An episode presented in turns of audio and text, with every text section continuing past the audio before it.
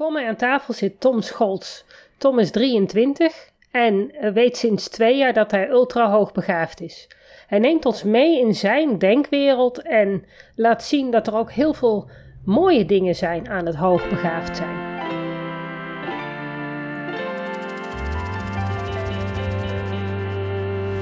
Welkom bij de Beelddenkers podcast. Ik ben Natasja Esmeijer van Beeldig Brein en de schrijfster van het boek Beelddenkers als kwartjes vallen. Ik neem jullie mee in de wereld van de beelddenkers. Beelddenkers zijn creatieve, intelligente en zorgzame mensen, maar ze hebben moeite met onze vluchtige, snelle maatschappij. Dat begint al op school en het werkt door in het werkende leven. Ik ga in gesprek met leerkrachten, ouders van beelddenkers en met de beelddenkers zelf natuurlijk.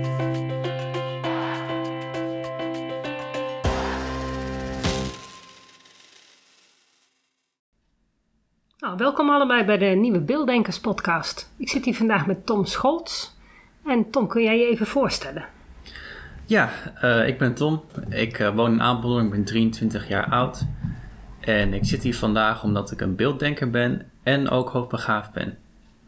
En hoe hoog ben je hoogbegaafd? Uitzonderlijk hoogbegaafd. Uitzonderlijk hoogbegaafd. 145 plus. Oké. Okay. Dat is voor de beeldvorming misschien wel. Uh, ja, dat is, ben ik nog niet ja. gewend om te vertellen, maar goed. Nee, nou ja, dat geeft niet. Ik denk dat heel veel mensen ook niet weten dat dat zo überhaupt bestaat. Nee. Uitzonderlijk hoogbegaafd. Nee. Hoogbegaafd is natuurlijk iets wat ja, voor mensen zeggen, nou ja, die zijn gewoon een stuk slimmer dan de rest. Maar het is wel iets meer dan dat, hè? Het is nogal veel meer dan dat. Nogal wel veel meer dan dat, ja, dat klopt. Ja, we hebben hier natuurlijk net al het uh, heel verhaal uh, gehouden samen. Maar uh, wat vind jij het, het, het, het meest opvallende aan uh, hoogbegaafd zijn? Nou, ik merk het eigenlijk niet per se in dat ik veel slimmer ben. Ik merk het meer in de intensiteit. Mm -hmm. En de intensiteit van uh, hoe van, jij. Uh, ja, van hoe ik uh, dingen ervaar, hoe ik me uit, hoe ik. Als, ik, als ik zomaar iemand over de straat lopen, of dus als ik zomaar iemand meemaak op een dag, dan is het alsof die dingen gewoon minder intens ervaart. Alsof die um, ook wel emoties heeft, maar dan, maar dan minder. Ik heb uh, het gevoel dat ik veel meer, uh, ja, veel meer pieken en dalen heb, veel meer ruimte uh, heb in mijn emotie. Okay. En dat klinkt dan alsof ik, alsof ik mezelf misschien beter vind. Maar nee, met, met ruimte bedoel ik alleen maar meer dat het meer plek inneemt in mij. Ja, dus, maar ja, je bent er dus ook veel intenser mee bezig. Gedurende de dag. Ja. Want, ja, voor mij is dat normaal. Dus ik doe het niet per se als een bewust proces of zo. Nee, maar, nee, maar het is de, je ervaart waarschijnlijk wel de wereld heel anders dan dat ik hem ervaar. Dat geloof ik ook. Ja. En um, nou ja, we willen eigenlijk deze podcast een beetje over de positieve dingen van hoogbegaafdheid uh, hebben. Want ja, dus komt natuurlijk al vrij negatief in het, in het nieuws. Of tenminste, uh, niet in het nieuws, maar op, op Facebook en zo. Heel veel verhalen. Kinderen die op school vastlopen. Uh, het schoolsysteem past natuurlijk niet. Past het bij geen enkele beelddenker. Maar ja, ja, hoe hoger de intelligentie, hoe groter je toch van dat gemiddelde kind af zit. Dus hoe lastiger het past. Heb jij dat ook zo ervaren? Ja, uh, maar het werd pas eigenlijk een probleem op de middelbare school. Ik heb niet per se. Uh, uh, ik liep altijd wel een beetje voor op de kinderen in de basisschool. Maar toen was alles wel makkelijk. In de middelbare school moest ik leren plannen.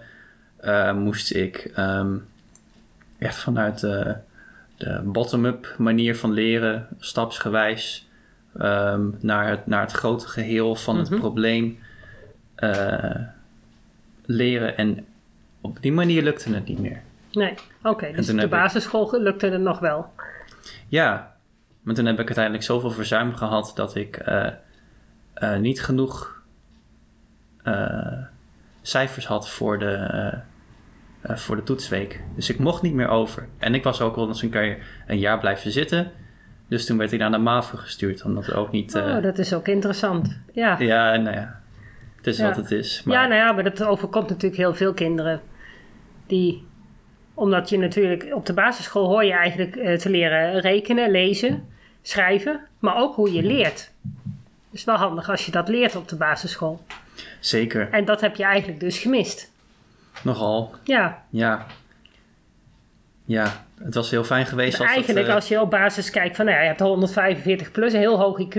Heel intelligent, heel slim. Dus had je eigenlijk gewoon eh, in, drie jaar tijd die basisschool moeten kunnen doen, zo'n beetje. Ja, eigenlijk, eigenlijk had eigenlijk dat wel. gekund, Als dat was gebeurd, had je waarschijnlijk wel geleerd hoe jij moet leren. Ja. Dus daar zit waarschijnlijk een stukje wat, we, wat, wat jij gemist hebt. Wat je dus al die intelligentie die je dan hebt, hebt ingezet om toch in ieder geval gewoon goed mee te komen. Ja. Maar ja, je hebt niet geleerd hoe je moest leren. Nee, dat heb ik mezelf moeten leren. Toen Ja. ik uiteindelijk erachter kwam dat ik uitzonderlijk hoogbegaafd was. Ja, en hoe oud was je toen? 21. Oh, Oké. Dat was Ja, dus dat echt nog maar twee eh, jaar geleden. Oké, ja. En toen heb je dus al die vaardigheden alsnog heb je het ingehaald? Of, want heb je uiteindelijk een diploma gehaald? Heb je je MAVO-diploma gehaald? Ja, ik heb wel mijn MAVO-diploma gehaald. Daarna heb ik eh, heel kort een studie gedaan, anderhalf jaar. Onderzoeken natuur en milieu. Maar dat paste ook niet. Dat werd veel te saai. En toen kreeg ik een bore-out. Ja, En daar heb ik echt lang last van gehad. Vervolgens vond ik in 2021, ja, eh, vond ik spiraren. Tenminste, toen, eh, toen kon ik eh, via mijn BGB terecht bij spiraren. Ja. Daar ben ik anderhalf jaar gebleven. en, En daar, daar- heb jij... Heb ik ontdekt dat ik inderdaad uitzonderlijk ook begaafd was. Per toeval eigenlijk, want ik zou niet het, het werd mij daar niet verteld. Uh, maar ik hoorde toevallig de oprichter van Spirare, Hannie Kusters, praten over een jongen met veel verantwoordelijkheidsgevoel, maar die niet hoogbegaafd was. Dus ik dacht dat ze het over mij had. Want ik had een IQ-test gedaan op school.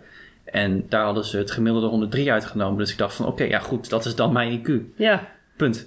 Ja, ja dat... Uh... En dan... En dus ik vroeg aan Hannie, uh, hey, had je het nou over mij? Die jongen met veel verantwoordelijkheidsgevoel. Zij zegt van, nee hoor. Nee, ik had het niet over jou. Maar Tom, en ze leunt dicht naar me toe. Ja. Uh, denk je uh, dat je niet hoogbegaafd bent dan? Ik denk, ik zeg Ja. nee, ik denk het niet. en, ik weet wel zeker van niet. En ja. zij zegt, nou, ik weet wel zeker van wel. Ja, ja, ja. Um, want ik werk al twintig jaar met hoogbegaafden en ik weet wanneer ik eentje voor me heb zitten. En vervolgens tekent ze een diagram met, uh, met de IQ en de standaard afwijkingen van de IQ. Dus, nou, nee, je hebt er 100, je hebt 130, en je hebt 145, et cetera. Ja, wat welke zijn er nog meer? Je hebt 145 en dan krijg je nog... Dan krijg je natuurlijk nog 160 en daarna nog 180 Oké. plus. Ja. ja. Dat zijn er niet zoveel meer, denk ik. Nee. Nee. Maar 145 plus, hoeveel, hoeveel, hoeveel mensen hebben het dan? Ja, 0,5 procent. 0,5 of minder procent van de, ja, van de dat is mensen. niet veel. Nee. Nee. En uh, ja, dus dat was heel onwerkelijk. Spannend voor Wat mij. heb jij eigenlijk geleerd bij Spiraren? Want Spiraren is een school, volgens mij. Of opvangplek. Nou, ontwikkelplek. Het is een leer- en ontwikkelplek Ja. voor hooggevoeligen en hoogbegaafden. Dus de meeste mensen die daar, uh, die daar komen zijn hoogbegaafd. Zijn hoogbegaafde uitvallers op school. Ja. Maar je, maar je moet dus een uitvaller op school zijn om daar terecht te kunnen ja, komen. Ja. En welke, vanaf welke leeftijd? Uh, dat maakt niet uit. Oh, dat maakt niet uit. Ook, ook uh, jonge kinderen? Ja. Ook uh, basisschool? Is een speciale, speciale afdeling okay. voor. Speciaal gebouw. Oké. Okay. Maar dat zit alleen op één plek in Nederland, denk ik. Ja, helaas ja. wel. Dus dat is een beetje lastig. Voor, nu nog wel in elk geval. Ja. Ze zijn volgens mij bezig met eentje in Groningen of in de buurt okay. van Groningen. Ja. ja, dan moet je wel in het noorden van het land wonen. Want waar zit Spiraren nu? In Heibloem in Limburg. Oh, dat is ook wel... Uh, Ten het zuidwesten van, uh, ja. van Venlo. Oké. Okay. Ja, nou ja. Maar ja, ik kan moeilijk elke dag je kind 200 kilometer verderop brengen. Ja, maar ja, ik woonde dus in Apeldoorn en ik ging er toch wel ook een keer heen. Wel, En hoe dus ging het? het was, het was Ja. zo ehm heilzaam en belangrijk voor me. Ja. En ging je dan de hele week of ging je maar één of twee dagen per week? Het is, eh, het is de hele week open, behalve op eh, woensdag. Dus ik ging daar dan op maandag heen en dinsdag terug. Want je Oh, hebt er ook eh, mogelijkheid tot overnachten. Oh, dat, is, dat hebben ze goed geregeld dan. Ja, dat Ja, is op datzelfde zeker. terrein tegenwoordig. Ja, oké. Oh, dat is handig. Ja. Ja, dan is het ook... eh, Maar jij kon natuurlijk dan zelf, want je was natuurlijk 21 of 20. Ja, ik kon ons zelf gelukkig Ja. wel. Ja. ja, maar dat is dan wel een stuk makkelijker. Kind van eh 7 laat je niet zelf met de trein eh, helemaal naar Venlo afreizen. Dat is niet zo bevorderlijk. Maar goed, je hebt dus uiteindelijk ben jij erachter gekomen dat je uitzonderlijk hoogbegaafd bent. En we hadden het over, ja, we hebben het eigenlijk de positieve kanten van hoogbegaafdheid. Wat, wat heb jij ontdekt? Wat, wat is er veranderd in jou nu je dat weet? Ehm, dat is een goede vraag. Ik weet niet precies hoe ik daar antwoord op wil geven. Maar ik denk eh, in elk geval dat ik... eh, dat ik eh, beter kan functioneren. Dat ik beter mezelf kan zijn. Ja, Want het is... Ik zie het als een stukje menselijkheid. Mhm. Als net als dat mensen bijvoorbeeld hooggevoelig kunnen zijn of autistisch... heb je ook wel mensen die hoogbegaafd kunnen zijn. En volgens mij als je dat ziet als een stukje menselijkheid... en niet als een stukje van... oh, je bent slimmer of je bent alleen slimmer... Ja. en daarom ben je misschien beter. Of, dat gaat, daar gaat het mij echt helemaal niet om. Het gaat mij om mijn zelfbewustzijn... en hoe goed ik mezelf ken, hoe goed ik mezelf kan inzetten... voor mezelf en nou, voor, voor anderen. Voor, Ja, om gewoon een betere persoon te worden voor Ja. de maatschappij. En natuurlijk, wij zijn met z'n allen op de wereld eh, met heel veel mensen. Dus iedereen moet zijn eigen plekje vinden. Voor zichzelf, maar ook voor de rest. Ja, goed. Nu Ja. dat uit de weg is. Ja, eh, ja, eh, heeft het me erg geholpen om daarin te groeien. ja, Want eh, het is heel fijn om te weten dat je slim bent. Mhm. Het- en, want pas toen ik eh, wist dat ik slim was en het geïntegreerd had in mijn persoonlijkheid en eh, uiteindelijk dus ook in mijn doen en laten, eh, kon, ik, kon ik slimme dingen, tussen aanhalingstekens, Ja. doen. ja. Dus ik kon ook in één keer veel beter rekenen. En ik kon beter talen leren. En ik kon... Je liet het toe. Ja, ik liet het toe. Ja, Dus ik had ook toestemming van mezelf. En juist vanuit zelfbewustzijn. Vanuit mijn liefde voor mezelf. ja. Voor mezelf in eerste instantie. Mhm, En dan ja. ook vervolgens voor anderen. Ja, ja, ja maar je, weet je, als je jezelf niet eh, accepteert en niet, niet, niet weet hoe je functioneert, dan kun je er ook voor een ander niet zijn, denk ik. Nee. Dat is heel lastig. nee. En helaas gebeurt dat wel. Met, eh, nou ja, met verschillende soorten zorg. Maar ook zorg voor hoogbegaafden. Ja, nou ja, dat klopt. Dat is natuurlijk niet alleen de hoogbegaafden, het zijn natuurlijk ook alle, alle beelddenkers. Maar ja, de hoogbegaafden zijn natuurlijk wel degene die het, nou ja, wat jij zegt, heel intens ervaren. En dus ook gewoon daar intens veel last van kunnen hebben. Ja. Ik denk dat er meer eh, uitvallers zijn onder de 145-plussers dan onder de 120-plussers. Zonder meer. En dan zou je zeggen, die hebben, jullie hebben meer over om te compenseren. Maar zo werkt het. Op een gegeven moment valt het niet meer te compenseren. Nee, nee, de verschillen tussen 145 plus en ongeveer 130 is even groot als eh 130 en, eh, en 70. Bijna. Oké, dus dat gaat Na ook nog 70 wil ik niet. exponentieel. Dat gaat exponentieel. Oké, ja, nou, ik, had dat, ik, dacht- ik denk altijd van, nou ja, weet je, als je op de 130 zit, dan zit je, ben je vergelijkbaar met 70. Dan zit je de 30 punten van het gemiddelde af. Ja, goed, dan zou je met 145 op de 55 zitten. Dat is laag hoor. Ja. Ja, dat is wel een heel groot verschil natuurlijk. Ja. Ja, Ehm, maar goed, je bent. Waar, waar ik altijd het meest tegenaan loop met mensen is niet per se het verschil in intelligentie, maar het verschil in zelfbewustzijn. Mhm. En, En wat bedoel je precies met zelfbewustzijn? Ik denk dat dat misschien niet voor iedereen even helder is. Oeh, nou, dat, dat is. eh dat geeft me in één keer een hele kluif. Ja. Mm. Een beetje uitdaging is leuk, toch? Ja, ja. Ik help je wel. ik denk dat ik bedoel. eh, hoe bewust je bent van je eigen motieven, van wat je zelf gelooft en van je eigen gedrag. En, en of dat nou daadwerkelijk nodig is en of het nou daadwerkelijk helpt of niet. En dat hoeft niet per se altijd te helpen, maar dat, want dat kan natuurlijk ook een, neutrale, een, een neutraal effect hebben. Mhm. Maar mensen die niet zelfbewust zijn, zijn naar mijn ervaring ook vaak mm, negatiever ingesteld. En zijn vaak eh, meer bezig vanuit een slachtofferrol. Of vanuit een helpersrol. Of vanuit bijvoorbeeld een aanklagersrol, om maar even de hele drie, drama-driehoek op te noemen. Ja, ik denk, ik denk dat heel veel mensen zich eigenlijk daar niet eens bewust van zijn dat ze be- over, dat, dat, dat je dat de mensen er niet eens over nadenken. Nee, En ik denk dat jij dat bedoelt.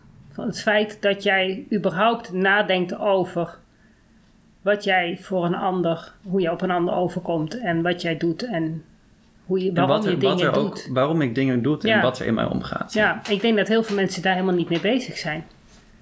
Nee, en daar, daar schuilt juist wel een heel erg grote ja, groei voor Ja. mensen die ermee bezig willen gaan. Ja, dat denk ik. En, maar ik denk ook dat het een behoefte is ehm, die je juist hebt op het moment dat je hoogbegaafd bent, omdat je je dan daar juist ook zo bewust van bent. Ja, van kunt zijn. ja als, als hoogbegaafd heb je wel eh, een grotere aanleg tot zelfbewustzijn. Ja, dat denk ik ook. En ik denk dat dat lastig is als je dat in andere mensen niet herkent. Ik denk dat die andere mensen daar niet altijd nou ja, wat aan kunnen doen. Natuurlijk wel, iemand die zich dat bewust wordt, kan daar wel bewuster mee bezig gaan. Ja, Maar ik denk dat dat voor heel veel mensen geen noodzaak is. En voor jou wel.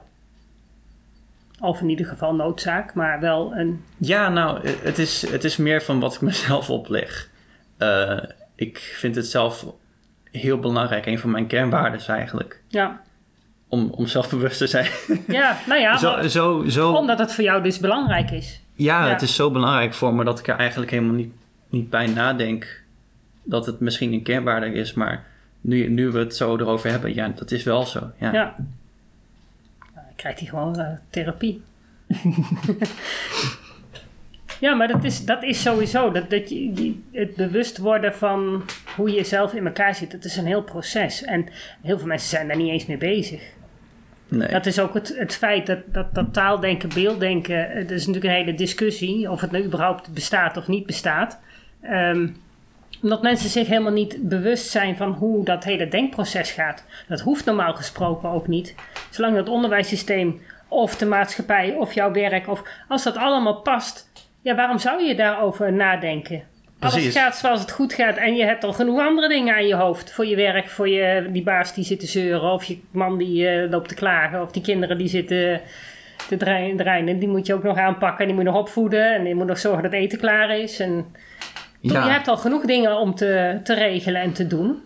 En als dat allemaal gewoon goed gaat, ja, dan hoef je daar niet over na te denken.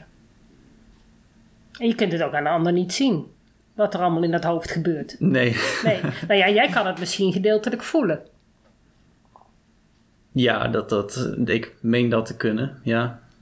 Nou, Laat, laat, ik, het, laat ik het wat, eh, wat zelfverzekerder zeggen. ik weet zeker dat ik dat, ja, dat, ik dat kan en Ja. dat ik er heel weinig naast zit. ja, en heel veel mensen kunnen dat misschien, nou, of ze niet kunnen is misschien een, een groot woord, maar heel veel mensen zijn er helemaal niet mee bezig, maar die voelen dat ook niet.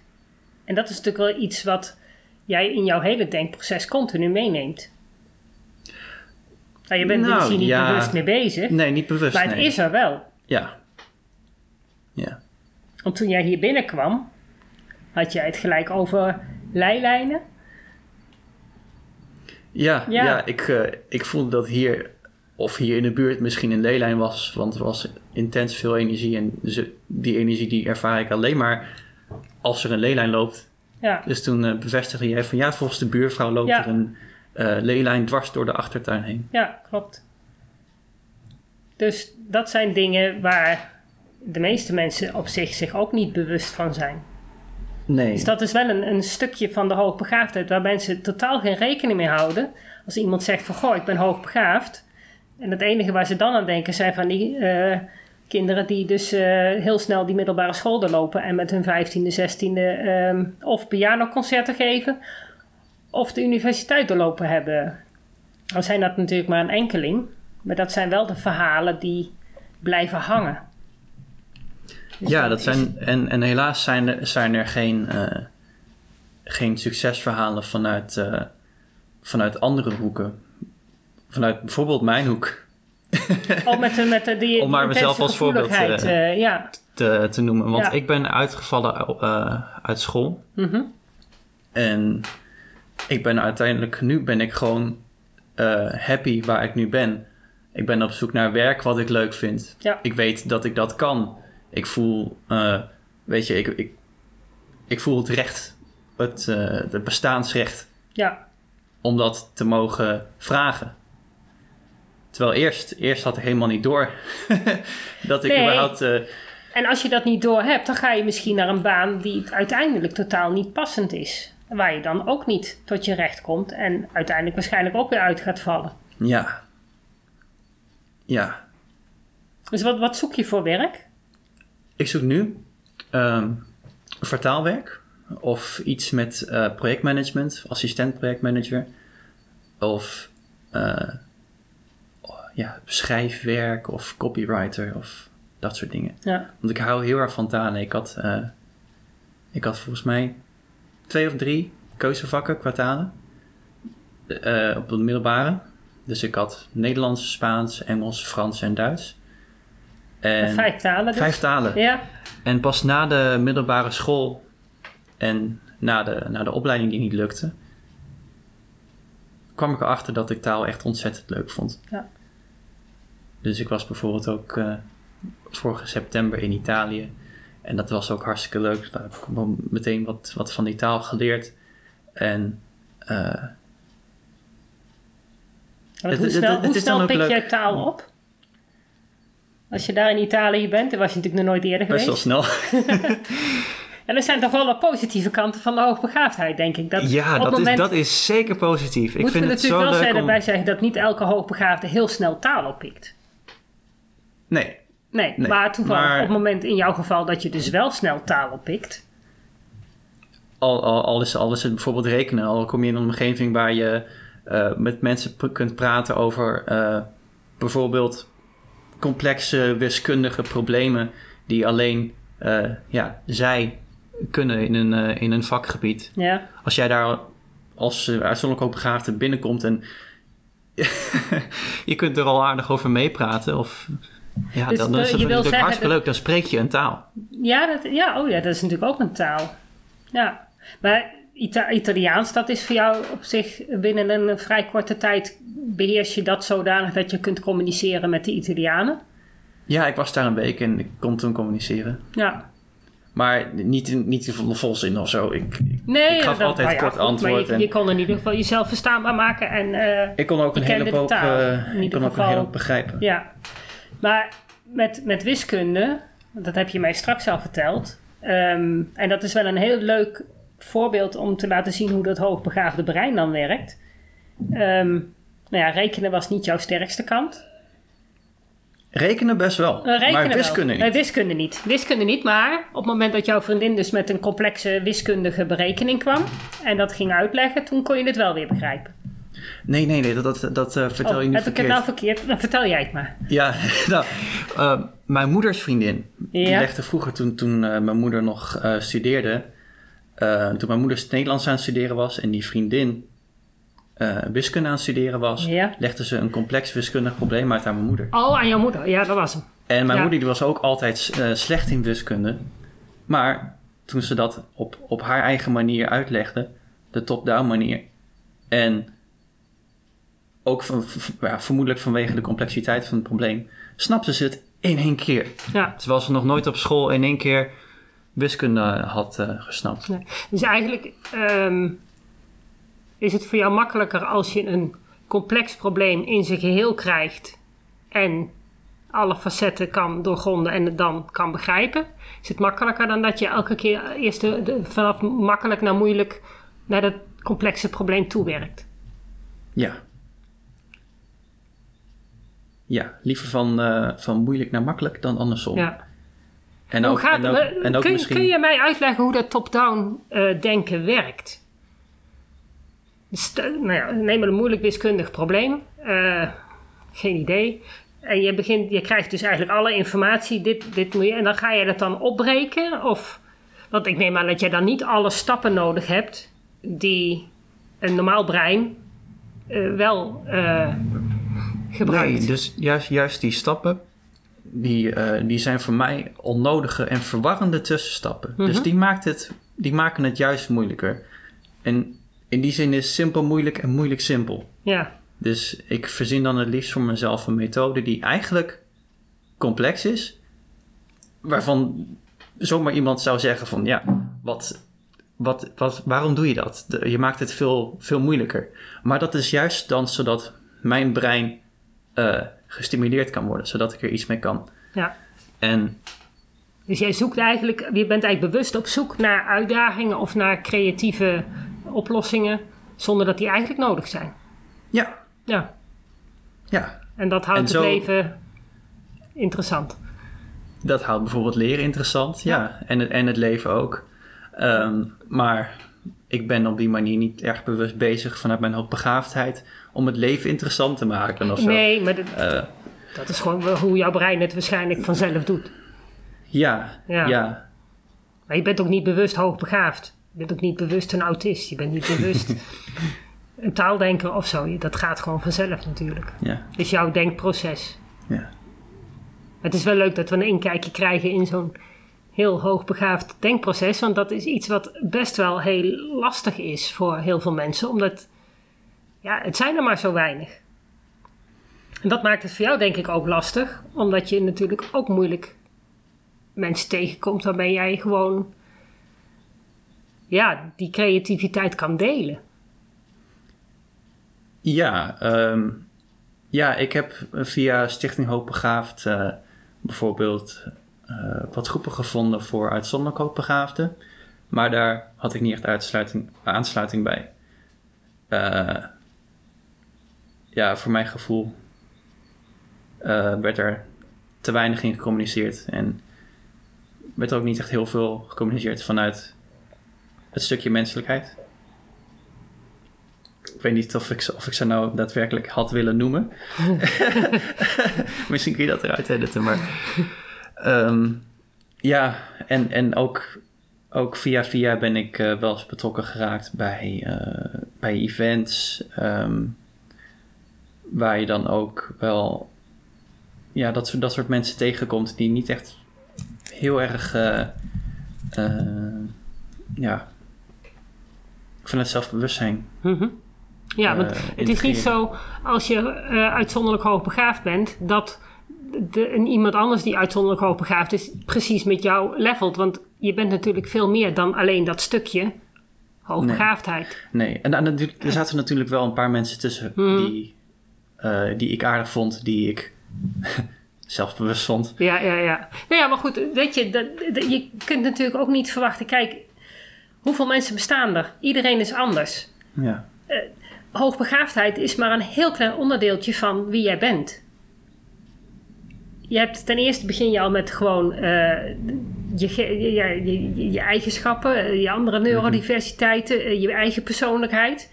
Dat wil niet zeggen dat omdat je toevallig één dingetje gemeen hebt met iemand anders, dat het dan ineens alles maar matcht. en, Zo en werkt zelfs dat met, niet. met zelfs hoe hoger de hoogbegaafdheid is, hoe hoger je de kans ook hebt dat je gigantisch andere richtingen. Ik denk ook dat je dan. en- Ja, ik wou net zeggen, want je zult toch ook. Je bent aan de ene kant misschien heel breed geïnteresseerd, maar als je juist ergens wel een interesse extra in hebt, ja dan. Maar het is ook in overtuiging. Nee, ja. En het is ook in koppigheid. En het is ook in intensiteit in al die dingen. Ja, Dus op die manier, ja, is er, als, als niet beide partijen erg zelfbewust zijn, of überhaupt eh, zelfbewust zijn in verband met een hoogbegaafdheid, zeg maar, ja. Dan wordt het voor mij moeilijk. Ja. Ja, ligt het dan aan jou of ligt het dan aan de ander? Dat is natuurlijk ook nog de vraag. dat ja. kan natuurlijk ook aan mij liggen. Ja, maar dat is ook helemaal niet erg, toch? Als jij gaat ergens heen om eh, iets te halen voor jezelf. Nou ja, als je het daar niet kan vinden, moet je ergens anders heen gaan. Ja. Dat is prima, toch? En ik ben natuurlijk ook maar een, een, gast van 23. Ik weet lang niet alles. eh, Nee, ik zit hier te praten over, zelf, over zelfbewustzijn, maar eh, ja, ik kan natuurlijk ook nog heel veel leren van mensen die ouder zijn dan ik. eh, Tuurlijk. van, eh, maar het is, het is jouw leven. Jij ervaart het zo. En dat is heel belangrijk. Dat jij van jezelf weet hoe jij dat ervaart en dat je daar verder mee kunt. ja.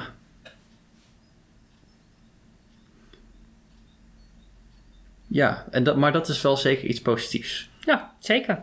En jij bent natuurlijk ook heel, want jij hebt een heel artikel geschreven over eh, hoe jij school voor hoogbegaafden zou, zou eh, kunnen realiseren, hoe jij dat ziet. Ja, ik heb er, nou, een artikel. Ik heb een, eh, een model gemaakt voor, een, eh, voor het ideale schoolsysteem voor hoogbegaafden.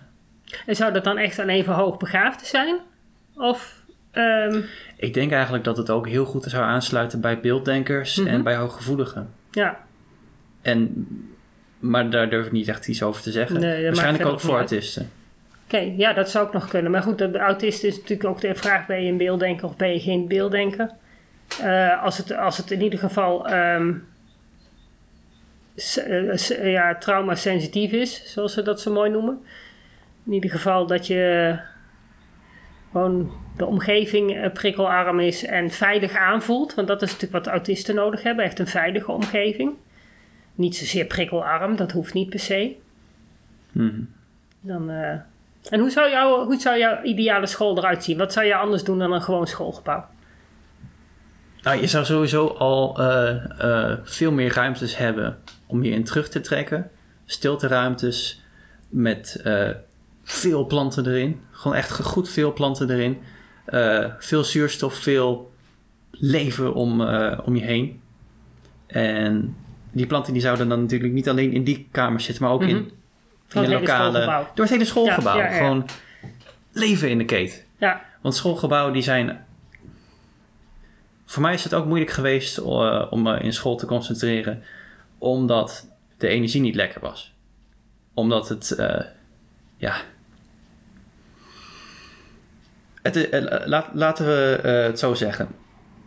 Het is een heel andere ervaring om langs een waterval te lopen in een zonneschijn op een heel lekkere warme dag dan om in een eh suf eh, en, en droog schoolgebouw te zitten, eh, iets, iets te leren waar je uiteindelijk toch niks aan hebt. ja, dus jij zit liever bij die waterval en met al die spetters op je papier en dan een uitdaging van hoe hou ik mijn blaadje droog en Ja. daar ondertussen ook nog een paar sommetjes te maken. Daar leer je meer van, daar leer je meer van dan in dat duffe schoolgebouw. Ja, Ja. Nou ja, de omstandigheden zijn dan in ieder geval eh, zouden beter zijn. ja zeker. Ja. Dus, dus dat, dat zou echt al iets uitmaken. Mhm. Zoveel planten, dat maakt echt een verschil. Ehm, maar ik zou ook eh, meer eh, peers in dat, in dat gebouw hebben. En hoe kom je aan die peers? Want in principe zou je verwachten dat je... Nou ja, goed, als je alleen maar alle hoogbegaafden bij elkaar stopt, dan krijg je automatisch die peers. Maar stel dat het een school zou zijn waar gewoon alle intelligenties bij elkaar... Misschien dat we er alleen maar beelddenkers heen sturen. Ehm, hoe, hoe kom je aan die peers? Hoe, hoe zorg je ervoor als, als leerkracht dat kinderen elkaar ook vinden? Nou, er zijn, eh, er zijn boeken om hoogbegaafden te signaleren. En één zo'n boek, ik ben de titel even kwijt, maar die komt van, eh, of die is geschreven door Renate Hansikova. En ik heb ook in, eh, in, het, in, in, zo'n ander model dat ik al dus eerder had gemaakt van het eh, ideale schoolsysteem voor hoogbegaafden, dat, dat, dat meegenomen. Mhm. Ehm, dus signaleren is al wel belangrijk, maar het is ook, ja, een leerkracht zou. Het, het is een moeilijke vraag, want ik, Ja. eh, een leerkracht die is natuurlijk ook al bezig met de toetsen nakijken en met lesgeven en dat soort dingen. Nou ja, we zitten natuurlijk sowieso al met het probleem dat ja, als ouder jouw kind naar de dichtstbijzijnde school stuurt. Ja. Dan kun je misschien kiezen uit twee, drie, vier scholen. Dan ga je kijken naar misschien geloofsovertuiging. Nou, wil mijn kind op de eh, katholieke school hebben, of juist op de eh, openbare school of op de protestantse school?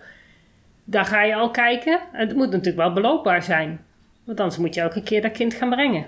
Dus in principe, als jij vier bent en dus die keuze je ouders die keuze moeten maken voor een kleuterschool, dan ga je in principe niet direct naar hoogbegaafde onderwijs. Want er zijn maar weinig ouders van een vierjarige die weten dat hun kind uitzonderlijk hoogbegaafd is. Of hoogbegaafd is, of een, überhaupt een beelddenker is. Ja, wat, wat, wat zei je net? Binnen zes weken is het kind eh, volledig aangepast Ja. aan zijn omgeving. Kun je het eigenlijk helemaal niet meer signaleren.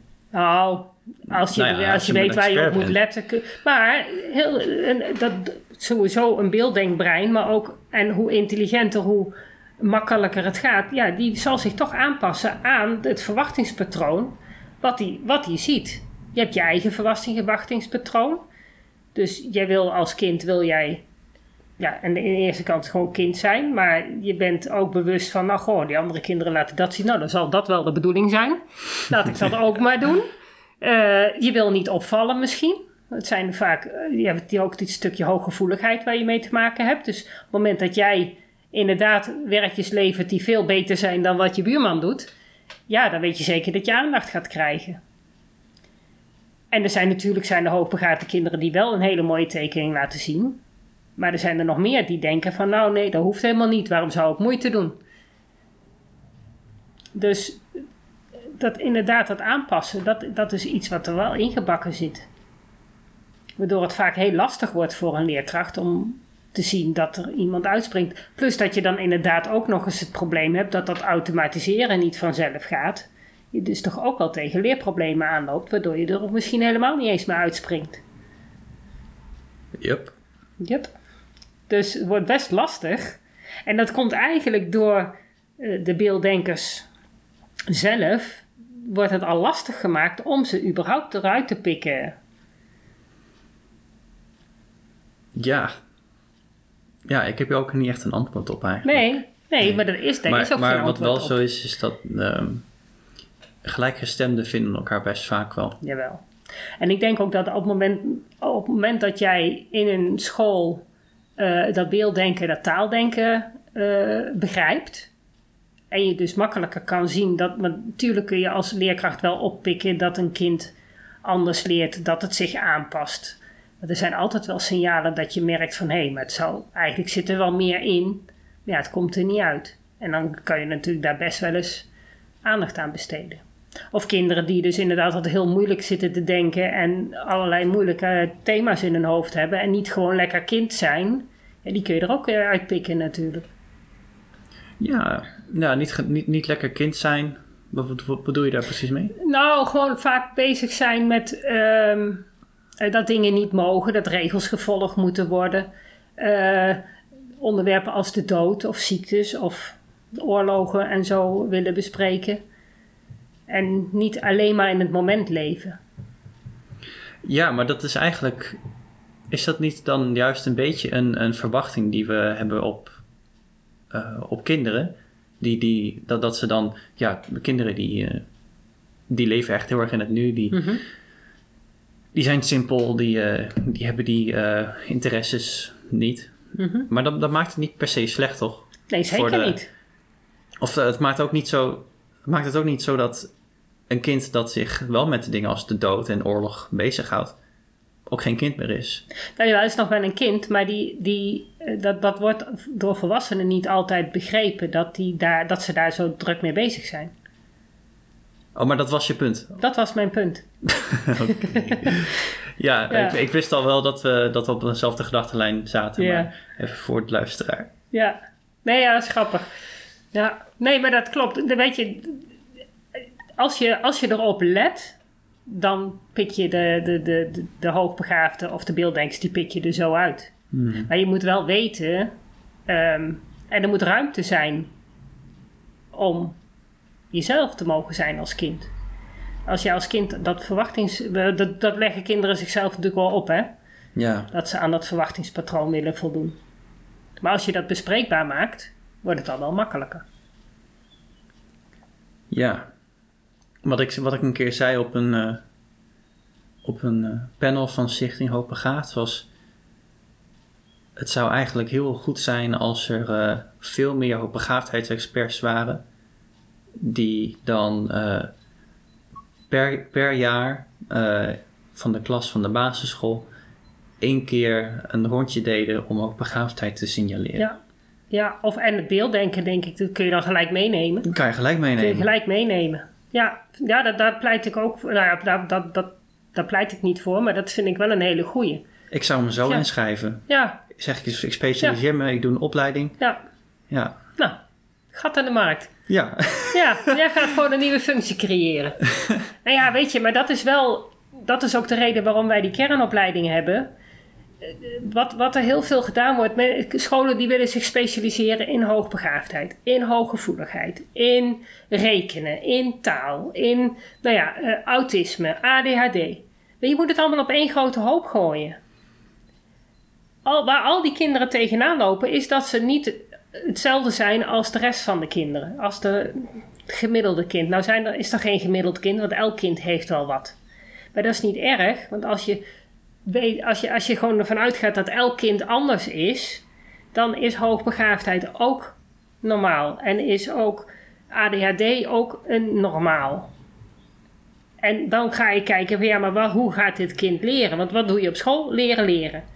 Dus daar moet je naar op focussen. Wat heeft dit kind nodig om te leren? En Ja. dat is dus niet dat standaard rekenmethodeboekje. Dat kun je best gebruiken om sommen, weet je, want dat is wel handig dat je dat boek hebt. Ja, je moet wel gaan kijken van wat heeft dit kind nodig? En als een kind van, vier het nodig heeft om het getalsysteem uitgelegd te krijgen, nou dan ga je dat kind het getalsysteem uitleggen. En dan ga je hem niet met groep 3 mee eh, de, de, de telrij op laten zeggen. Maar als je al die neurodiversiteit, et cetera, et cetera, wil meenemen in een pabo-opleiding, dan gaat hij er heel anders uitzien. Dan wordt hij misschien ook te lang. Dus dan Nou, ik zou- denk dat dat heel erg meevalt juist. Ja? Want nu, jawel, want als je gewoon... Wij kunnen het in zeven dagen. En heel, heel ingewikkeld is het niet. Zolang je het verband maar ziet tussen hooggevoeligheid en hoogbegaafdheid en eh, beelddenken, dan ben je al een heel stap. Dan kun je er al drie uit eh, gummen. Als je, als je ziet dat dat allemaal met elkaar samenhangt, Nou, dat klinkt hoopvol ja, voor de toekomst. ja, maar het is niet zo moeilijk. Ja, ja, al met, Ja. Ik, ben, ik ben laatst op de Pabo geweest, hier in Doetinchem. En daar heb ik dus, nou ja, in een uur tijd heb ik dus dat dominantieprofiel uitgelegd. Dus nou ja, dat dominantieprofiel kennen de luisteraars als het goed is wel. Zo niet, dan luisteren we nog maar even de eerste podcast. Leg ik het uit. Ehm, dat bepaalt hoe een kind leert. Nou ja, daar zitten al die neurodiversiteit al in opges- opgesloten. Want we gaan dus gewoon kijken, leer je op de taaldenkmanier, leer je op de beelddenkmanier. Dat is één. Nou, daarnaast gaan we dan kijken van welke zintuigen eh, hebben voorrang. Dat is twee, want dat maakt nogal uit. Ik heb jou jouw dominantieprofiel laten lezen. En je had inderdaad in de gaten van, goh, dat lijkt best wel. Ja, dat is. Oh, als, als meer mensen dat, eh, dat kenden, dan denk ik echt dat het een groot verschil zou maken op. eh, ehm, op de effectiviteit van, van lesgeven. Ja, maar als, als je als leerkracht dat weet. Dus, nou, hoe leren taaldenkers, hoe leren beelddenkers en hoe kan ik bij een kind bekijken of die auditief leert, visueel leert, eh, misschien een, een tijdvertraging heeft. Nou, dan kun je toch al een heleboel Dan kan je echt ook al heel ver komen qua hoogbegaafdheid eigenlijk. Want juist. wat je, heel veel hoogbegaafden zijn volgens mij ook deel, beelddenkers. Mhm. In mijn ervaring, en wat ik, hoe ik ze heb horen praten en hoe ik ze heb meegemaakt en zo. Ehm, en het enige verschil tussen hoogbegaafde eh, beelddenkers en eh, gemiddeld begaafde beelddenkers zou dan zijn eh, dat hoogbegaafde beelddenkers meer stappen overslaan. Maar daar kom je natuurlijk best wel gauw achter als, eh, als docent of Ja. als eh, leraar. Ja, nou ja, da- daar ligt natuurlijk nog het stukje ehm, wat lastig is. Want eh, top-down onderwijs, hoe, ehm, hoe hoger de intelligentie, hoe meer je eigenlijk, hoe verder je, ei- hoe groter je het geheel moet maken. Dus dat is dan een dingetje waar je dan misschien op moet differentiëren in de klas. Ja. Maar goed, de, differentiëren doen ze nu ook. Ja. Dus, en eh, taaldenkers hebben er echt geen moeite mee als ze in het begin eerst even dat hele beeld geschetst krijgen van gewoon, nou ja, daar gaan we heen. Kunnen ze daarna wel beginnen met stapjes van onderaf. Die, die, die beelddenker die kan dan kijken van nou, welke stapjes heb ik nodig, welke kan ik overslaan. Nou, volgens mij moet ik dat maar gaan meenemen in mijn model van de ideale school. Ja, toch? Ja. Ja, maar als je daarop focust en als je, want in een uurtijd op de Pabo heb ik al gewoon een verschil kunnen maken. Dat er, eh, want ik heb laatst nog een eh, gesprek gehad met een, een, een van die, nee, deze had niet, eh, was niet bij die gastles geweest, geloof ik. Maar die had al zoiets van, nou weet je, aan het begin van de week doe ik gewoon, eh, ga ik gewoon vertellen waar we eind van de week naartoe zijn gegaan. Dus ik ging al van zeggen, nou, vrijdag eh, moeten we dit geleerd hebben, maar we beginnen hier. Dat maakte al een heel groot verschil voor heel veel kinderen. Dat ze al wisten van, nou, dat is de bedoeling, daar gaan we, dat is de richting die we opgaan. Ja. Nou is dat natuurlijk niet helemaal voldoende. Je moet helemaal aan het begin van het leerproces moet je altijd eerst even duidelijk maken wat nou rekenen precies is en wat tijd is en dat soort zaken. Maakt het een stuk duidelijker. Maar goed. Ja. Ja. Anders dan moeten ze allemaal bij mij komen. maar ja, dat, dat zijn dingen die, die kun je in het systeem inbouwen. En als je snapt hoe een beelddenkbrein werkt en hoe een taaldenkbrein werkt, dan snap je ook hoe je je les een klein beetje kunt aanpassen. Ja. Wordt het, leer, het vak als, van leerkracht wordt ook veel leuker volgens mij. Want je, kan gewoon, je ziet gewoon het resultaat. Je kunt gewoon elk kind laten leren op, naar eigen kunnen. En, en je ontwikkelt gewoon hoe dat leerproces gaat. Waarom is het niet al veel bekender, hè? Ja, het is een grote vraag. Dat komt goed, Ja. denk ik, ooit. Volgens mij moet jij maar eens een keer op het nieuws komen of zo. Ik doe mijn best, maar ze willen me niet. Ah. Nee, ik heb al een keer een interview opgenomen. En dat interview is nooit uitgezonden. Tenminste, het was met Kiki Schepens. En eh, wel, die had mij geïnterviewd. Maar eh, de, de, de, de, dat was eigenlijk bedoeld dat het op, nou, niet op televisie zou komen, maar wel eh, uitgezonden zou worden. Maar er zaten allemaal dingen die eh, volgens hun niet helemaal waar waren. Maar ik heb niks anders verteld dan dat ik jou nu vertel. Dat is wel jammer. Misschien zijn ze er gewoon nog niet echt klaar voor zo. Nee, dat is, het is een heel proces. Het is een bewustwordingsproces dat ehm, pas echt helemaal aan het begin staat. Ja. En omdat het best wel complex is, zoals wij het brengen, is het natuurlijk heel complex. Want je hebt gelijk en die hooggevoeligheid en die hoogbegaafdheid en al die neurodiversiteiten. En dan moet je dat ook nog in de klas op een andere manier doen.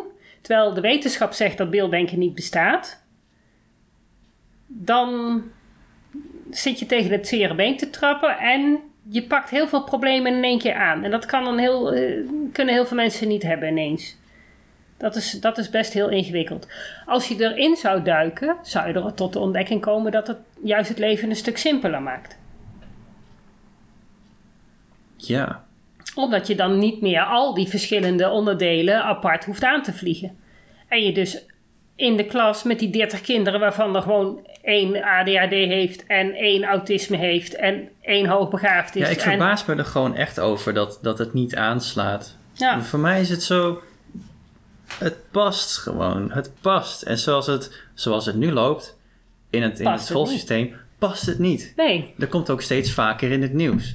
Ja, En dan komt er eens een keer een alternatief. En dan zijn ze niet, een, niet eens beluis, eh, beleid, bereid ja. om er naar te luisteren. Nee, ik weet het. Ik, word, ik, ik, mag, ik heb, nou ja, je, hebt het, je weet het ook. Ik heb dat artikel geschreven voor Wij Leren. Is er weer afgehaald. Ik heb niks anders verteld dan dat dominantieprofiel uitleggen.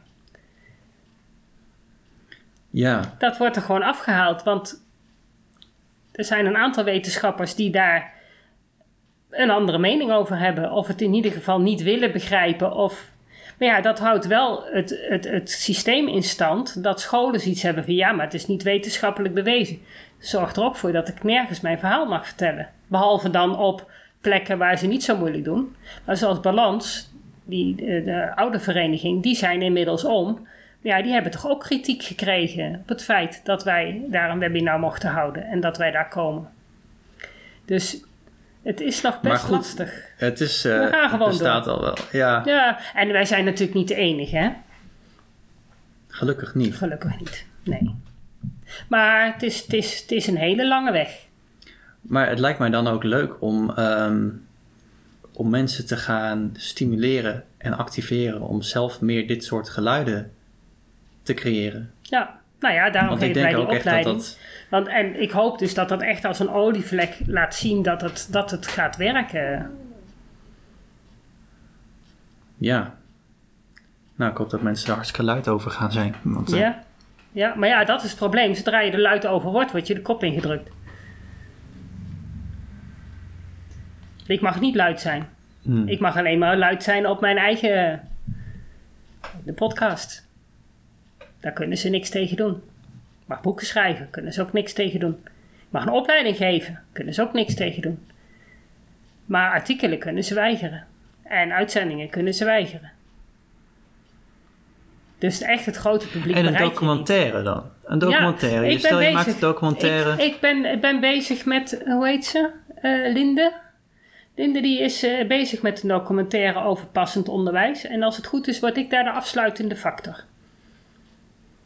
Linde is ook een, eh, een, een kennis van jou. Die is waar in gespecialiseerd? Linde, nee, ja, Linde is de dochter van eh, Katinka Slump. En Katinka Slump is dan weer een onderwijsjurist. Leuke naam allemaal. Ja, dus de, nou, maar Linde die heeft eh, vaker documentaires gemaakt, dus die is in de maak. en waar komt die dan?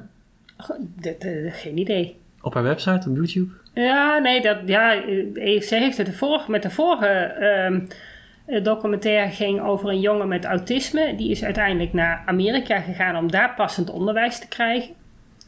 En daar heeft ze wel een prijs mee gewonnen. Dus ik denk wel dat het uitgezonden wordt. Maar niet direct voor televisie, nee. Dat weet ik niet eh, hoe ze dat precies... eh. Dus nou, gaan we zien.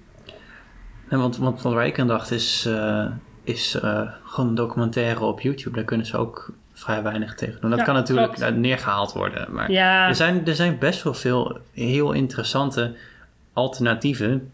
Ja, Nee. maar dat kost allemaal heel veel tijd. En ik heb heel veel klanten en ik heb mijn opleiding. En die opleiding moet gemaakt worden en de opleiding moet verkocht worden. Dus ik moet zorgen dat ik mensen motiveer om de opleiding te komen doen. En dat gaat nog niet zo gemakkelijk.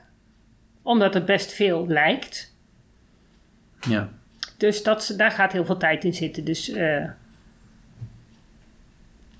we zijn bezig. We doen ons best. Ik zou het bijna zelf willen doen, die Nou. documentaire maken. Graag. Ja.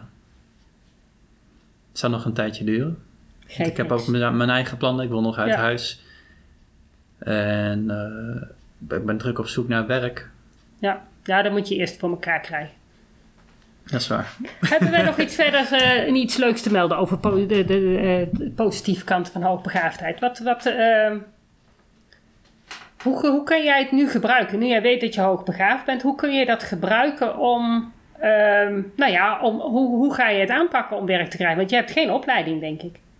Nee, ik heb eigenlijk alleen maar een MAVO-diploma. Ja, nou, ik, op een MAVO-diploma word jij niet zomaar aangenomen, denk ik. Eh, voor een, reguliere baan in ieder geval niet. Hoe Nee, ga je dat de- aanpakken?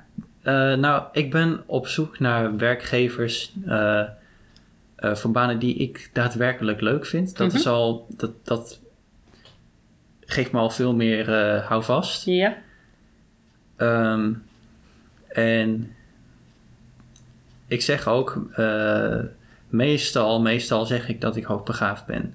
En dat is eigenlijk, dat, dat, dat helpt dan wel. Dat helpt zeker, want ik denk dat zeker ehm, eh, mensen die eh, eh, werknemers aannemen, daar echt wel het, het voordeel van zien. Ja, De meerwaarde van zien. Dat is het eigenlijk, de meerwaarde die je hebt, die je inbrengt door jouw creatieve denkproces. ja. En, en, de, en de mogelijkheid om inderdaad ja, complexe problemen te kunnen ontleden en aan te kunnen. En misschien ook wel te creëren. ja. ik moet een beetje lachen om mezelf. Ja, ja, ja. maar nee, ja, het is, eh, zo is het wel. Ja, Ehm, en ik gebruik, ja, ik, ik gebruik het eh, sinds het integreren. Het, kijk, het integreren eh, van opengaafdheid. Daar ben ik eigenlijk al niet meer bewust mee bezig. Maar Nee. wat het me heeft gebracht is dat ik eh, ja, zelfverzekerder ben geworden. Ehm, en dus ook meer ruimte heb gekregen voor bescheidenheid. Meer ruimte heb gekregen voor eh, hoe ik mezelf verhoud tot anderen. Ehm, meer empathie heb gekregen voor anderen. Omdat ik juist ook eindelijk ook, ook cognitief snap waarom, eh, waarom mensen sommige dingen niet snappen die ik zeg. Mhm. Ehm, dus het geeft me meer empathie, het geeft me meer geduld, het geeft me meer eh, leervaardigheid. En het is eigenlijk op dit moment alleen maar iets positiefs. ja. Nou, mooi. Ja, Ja, En ik, en ik hoop echt dat, eh, dat, dat zoveel mogelijk mensen dat ook zo gaan zien. Want kunnen ervaren op die manier, denk ik. ja, Zich daar bewust van worden dat je... Ja, je moet het gewoon zien als, als jezelf. En ja, gewoon inderdaad je eigen waarde weer terugvinden. Ja, En of dat nou een laag IQ is of een hoog IQ is, dat maakt niet uit. dat maakt geen Maar- enkele moer uit. Nee. Iedereen's, iedereen's IQ is genoeg. Ja. Het is gewoon genoeg. Ja. maar je moet wel weten waar jij zit, want dan kun je daar gebruik van maken. Want als jij denkt van. Dat, dat, dat hoor ik heel vaak eh, ouders zeggen. Dan komen ze hier met een kind dat hoogbegaafd is. Ja, maar hij hoeft niet hoogbegaafd te zijn hoor. Maar hij hoeft niet zo slim. Nee, doe maar gewoon. Hoe kan hij gewoon in de klas meedoen? Dan denk ik, ja, maar je doet je kind tekort. Want dat kind moet zich kunnen ontwikkelen naar wie die is. En als je zegt van nou ja, hij moet maar gewoon in de klas blijven, dan kan hij dus niet zichzelf gaan ontdekken van hé, hey, maar weet je, dat zijn mijn mogelijkheden en dat, dat heb ik nodig, dat zijn mijn behoeftes. Maar die moet zich dan maar blijven aanpassen aan. Nou ja, weet je, mijn, mijn ouders voor, mij, voor mijn ouders hoef ik niet zo slim te zijn. Ja, je bent het nu eenmaal. Ja, Doe er dan wat mee. Want anders dan ben je jezelf niet. ja. En het gaat natuurlijk niet alleen om dat kind zelf, maar ook de maatschappij heeft eh, er een, daar een enorm verlies aan als, eh, als de hoogbegaafdheid van, van kinderen niet eh, gewaarborgd wordt. Nee, want ik denk dat juist voor die complexe problemen waar we met z'n allen tegenaan lopen, hoogbegaafde breinen wel een meerwaarde kunnen zijn om misschien bepaalde technieken te ontwikkelen of Ja, systemen te kunnen ontrafelen of problemen te kunnen begrijpen. Precies. Ik, ik, Ja. leerde, ik leerde van, eh, van Honey, eh Honey Kusters, Mhm. dat hoogbegaafden, met name 145 plus, echt met die gigantische vernieuwende dingen komen. Eh, wil niet zeggen dat, dat je van, met 100 IQ of 130 Nee, nee. IQ niet creatief kunt zijn. Nee, ja, maar, Maar, dat, dat- de je kans kan is ook, groter. je kan ook op een ander niveau creatief zijn, hè? Ik ja, bedoel, maar dat is dus allemaal nodig om, om die eh, verschillende eh, eh, vormen van creativiteit, de verschillende, de verschillende, hoe noem je dat, standaardafwijkingen van, het, van de norm goed, te, ja, goed te waarborgen in de educatie. Ja. Omdat dat de, de maatschappij draaiende houdt. Ja, dat denk ik ook. En ik denk dat, dat je juist eh, dat nodig hebt om die complexiteit aan te kunnen. Want kijk nou naar bijvoorbeeld eh, dat stikstofprobleem. Je ziet dat er aan allerlei kanten worden er maatregeltjes genomen. Maar er is niemand die eigenlijk naar dat grote geheel kijkt van hoe kunnen we dat nou oplossen. Ik denk als je dat probleem op het bordje van iemand met een heel hoog IQ legt en de mogelijkheid geeft van, nou ja, weet je, kijk er nou eens gewoon blind naar of, of, of, of onbevooroordeeld naar, die komt vast wel tot een, een, een zinnig, zinnige oplossing. Misschien Ja. niet, maar er moet, moet je natuurlijk wel genoeg informatie krijgen. Ja, nou dat, dat geloof ik ook. Ja, En uiteindelijk kunnen, kunnen de. eh, kijk, als er op een gegeven moment. De wereld wordt natuurlijk steeds complexer. Ja. En dus er zullen steeds nieuwe systemen eh, eh, nodig zijn die ook complexer worden. En binnen die systemen komen dan nog meer complexe systemen, et cetera, et cetera. Ehm, dus de hoogbegaafden zouden in theorie veel meer nodig moeten gaan zijn. Ja, Veel Ja, meer. alleen die ja. kunnen dan de systemen verzinnen eh, vanuit, ehm, vanuit de oplossingen voor de problemen die zij zien. ja. Ja, en dan kun je daarna nog wel gaan toetsen of dat het werkbaar is of niet. Precies. Dat- en daar heb je dan ook weer andere weer- mensen voor die, zeggen. die daarbij passen. Ja, en dan Maar- heb je misschien juist de mensen nodig die misschien een iets lager IQ hebben, die dan wat op praktischer gebied misschien juist iets meer eh, kunnen betekenen. Maar als je lang je maar samenwerkt Ja, en elkaar gewoon het, het juiste stukje laat doen, ja. ja, wij lossen de wereldproblemen wel op. Helpersrol. Nee. Ja, ja, ja, ja. Ja, daar moet je ook naar uitkijken, dat je dat niet allemaal blijft. eh, Ja. Leuk. Nou, dankjewel voor jouw eh, eh, positieve inkijk in het stukje hoogbegaafdheid. Jij bedankt voor het luisteren en het meedenken. Dat was het weer voor vandaag. Bedankt voor het luisteren en superleuk dat je erbij was. Ik hoop dat je weer een beetje meer ontdekt hebt hoe gaaf, maar ook hoe lastig het kan zijn om een beelddenker te zijn in een wereld die is ingericht voor taaldenkers. Wil je meer weten? Lees dan mijn boek Beelddenkers als kwartjes vallen. Wil je op de hoogte gehouden worden van alle informatie die ik deel over beelddenkers in het onderwijs? Klik dan op de abonneerknop in je podcast-app. Wil je dat er meer mensen op de hoogte zijn van hoe beelddenkers anders denken? Laat dan een review achter, zodat er steeds meer mensen in beweging komen om het beelddenken serieus te nemen. Heb je nog tips of vragen? Of ben jij of je kind een beelddenker en wil jij je verhaal delen? Laat het me gerust weten. Wil je als ouder of leerkracht echt weten hoe het allemaal werkt bij je kinderen of bij jezelf? Kom dan naar een van de cursussen. Duik helemaal in het onderwerp en kom erachter dat beelddenkers helemaal niet zo anders zijn en best in ons onderwijssysteem passen, als je maar weet hoe ze denken. Ik geef speciale cursussen voor ouders en voor professionals. Voor meer informatie ga je naar www.natasjaesmeijer.nl. Samen gaan we voor een beelddenkvriendelijke wereld.